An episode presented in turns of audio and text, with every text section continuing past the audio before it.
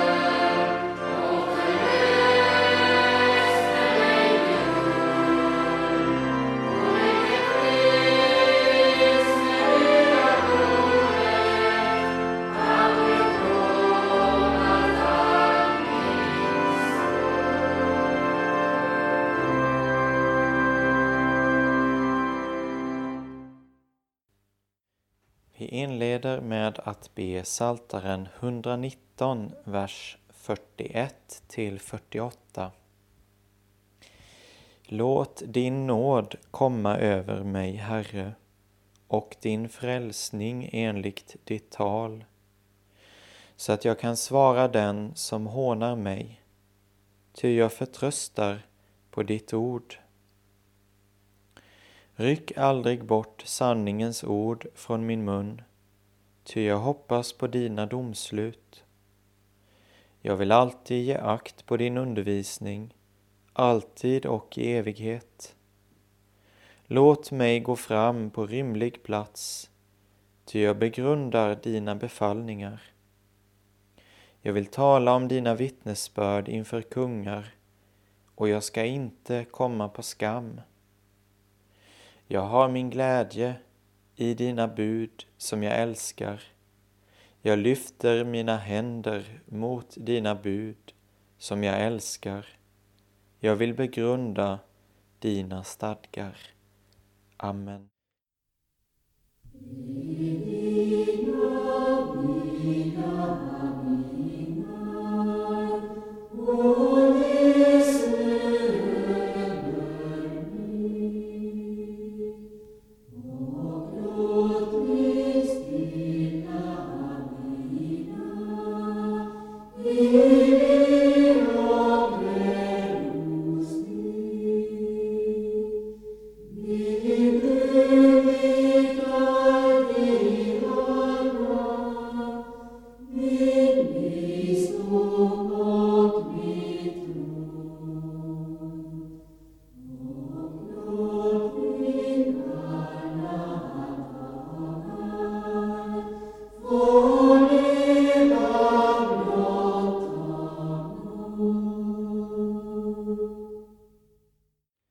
Läser två andakter från boken Livets segerkrans av Hans-Erik Nissen.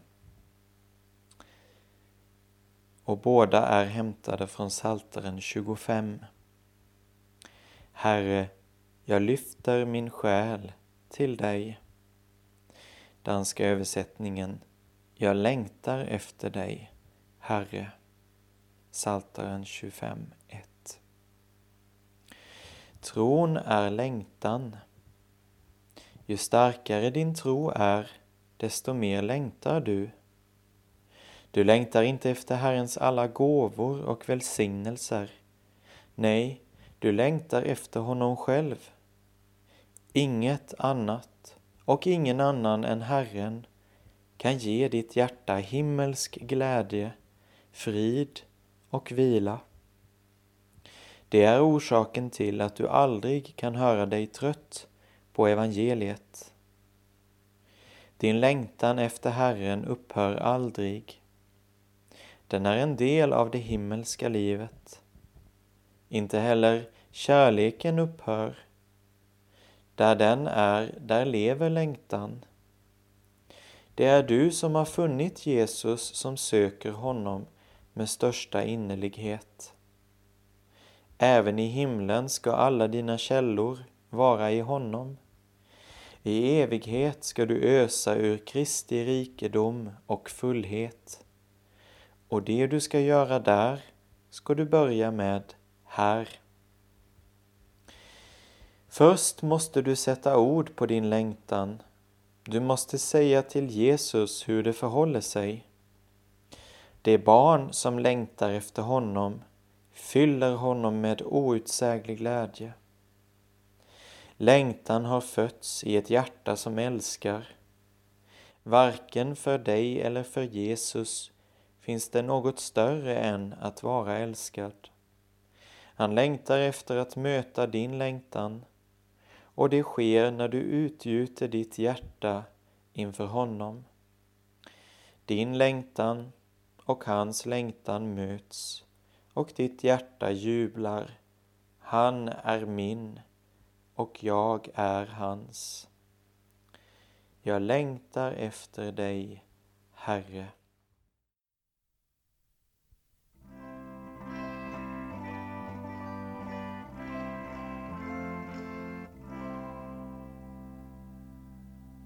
Håll dig vid klippan, dyrköpta fel. Skall för evigt då gå dig väl. Farorna hota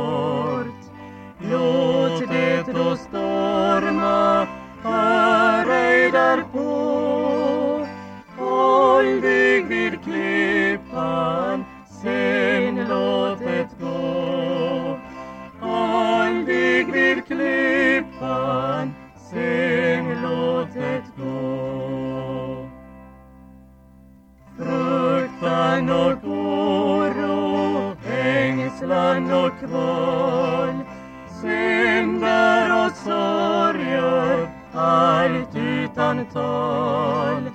Lämna åt Jesus, där är det lagt. Håll dig vid klippan, tro vad han sagt.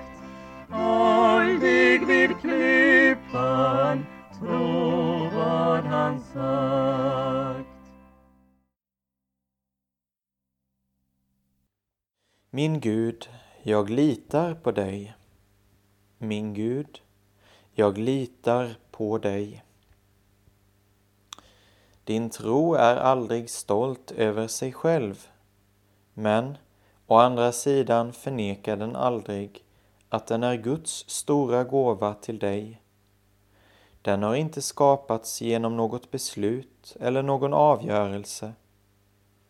Den blev till när Guds ande gjorde evangeliet levande för ditt hjärta. Då flyttade Gud själv in i ditt hjärta och tog sin boning där. Han är i ordet och han är i dig. Han är där med sin egen kraft. Han ger dig den förunderliga förvissningen du kan sätta hela din lit till mig. jag har ordnat din frälsningssak.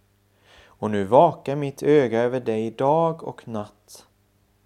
Jag har större omsorg om dig än du har om dig själv. Jordens grundvalar kan skaka både omkring dig och inom dig, men du kan vara fullständigt trygg. Herren försäkrar dig om det.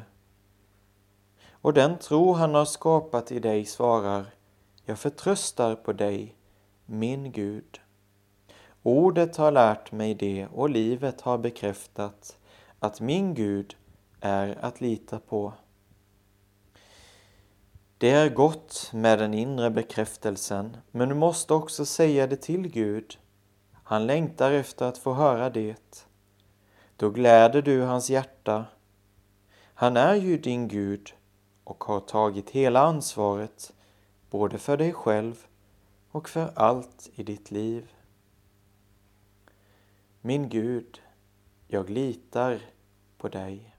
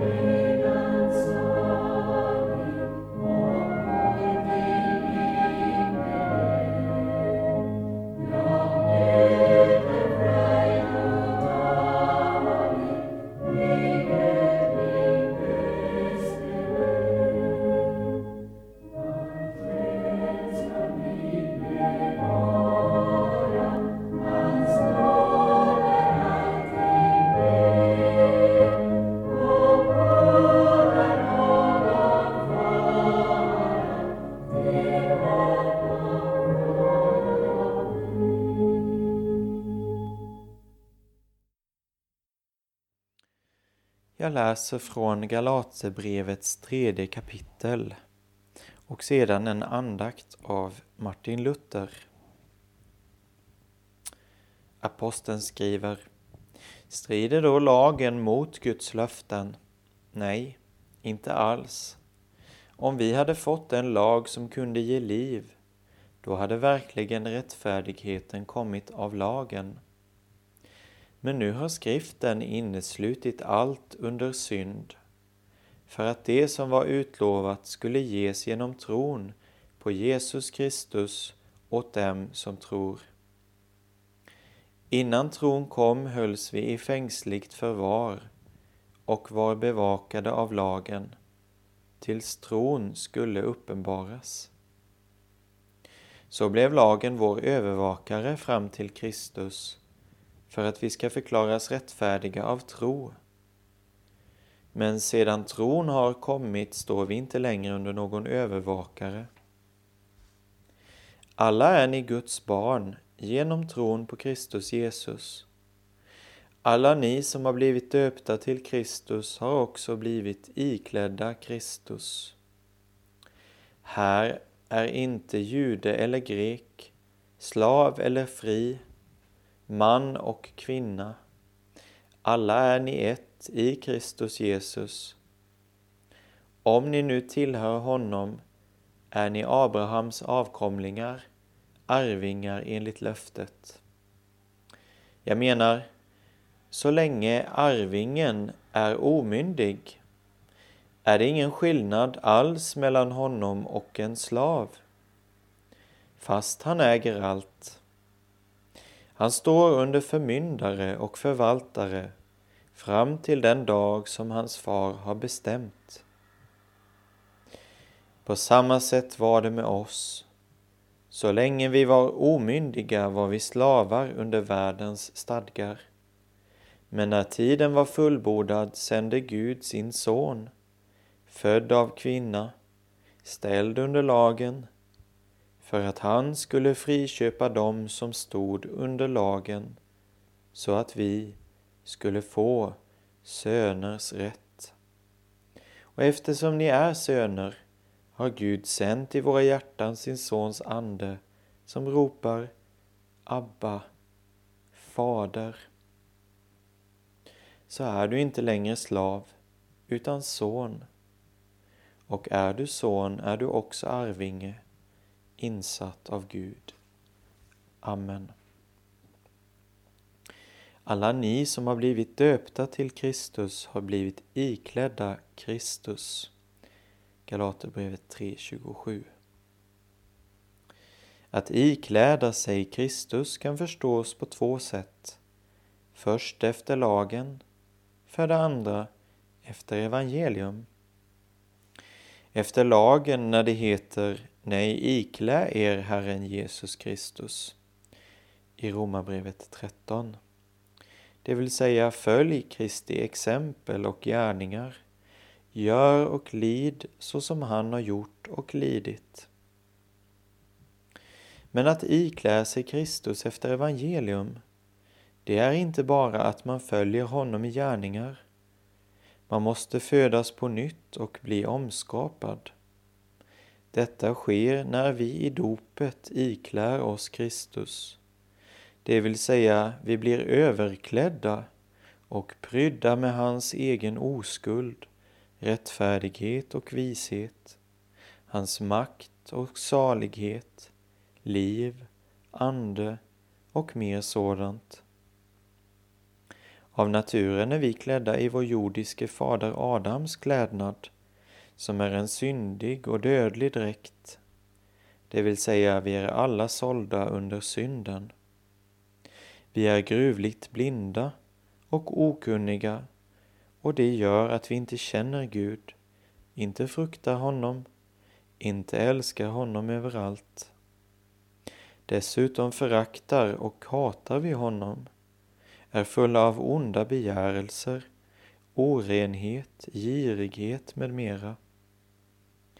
Denna dräkt, den fördärvade och syndiga naturen, har vi i arv från Adam.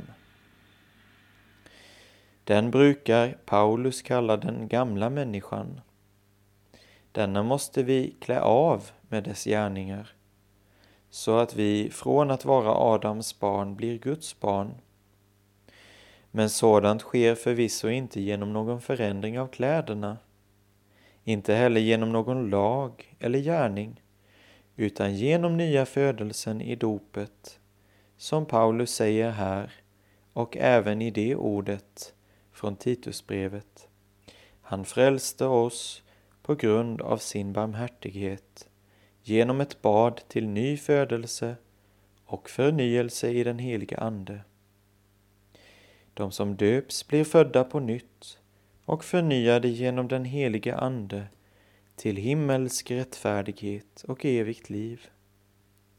Dessutom upptänds hos dem ett nytt ljus och eld så att de blir sinnade på annat sätt än förr, börjar med allvar frukta och älska Gud och förtrösta på honom, anropa honom och hoppas på honom.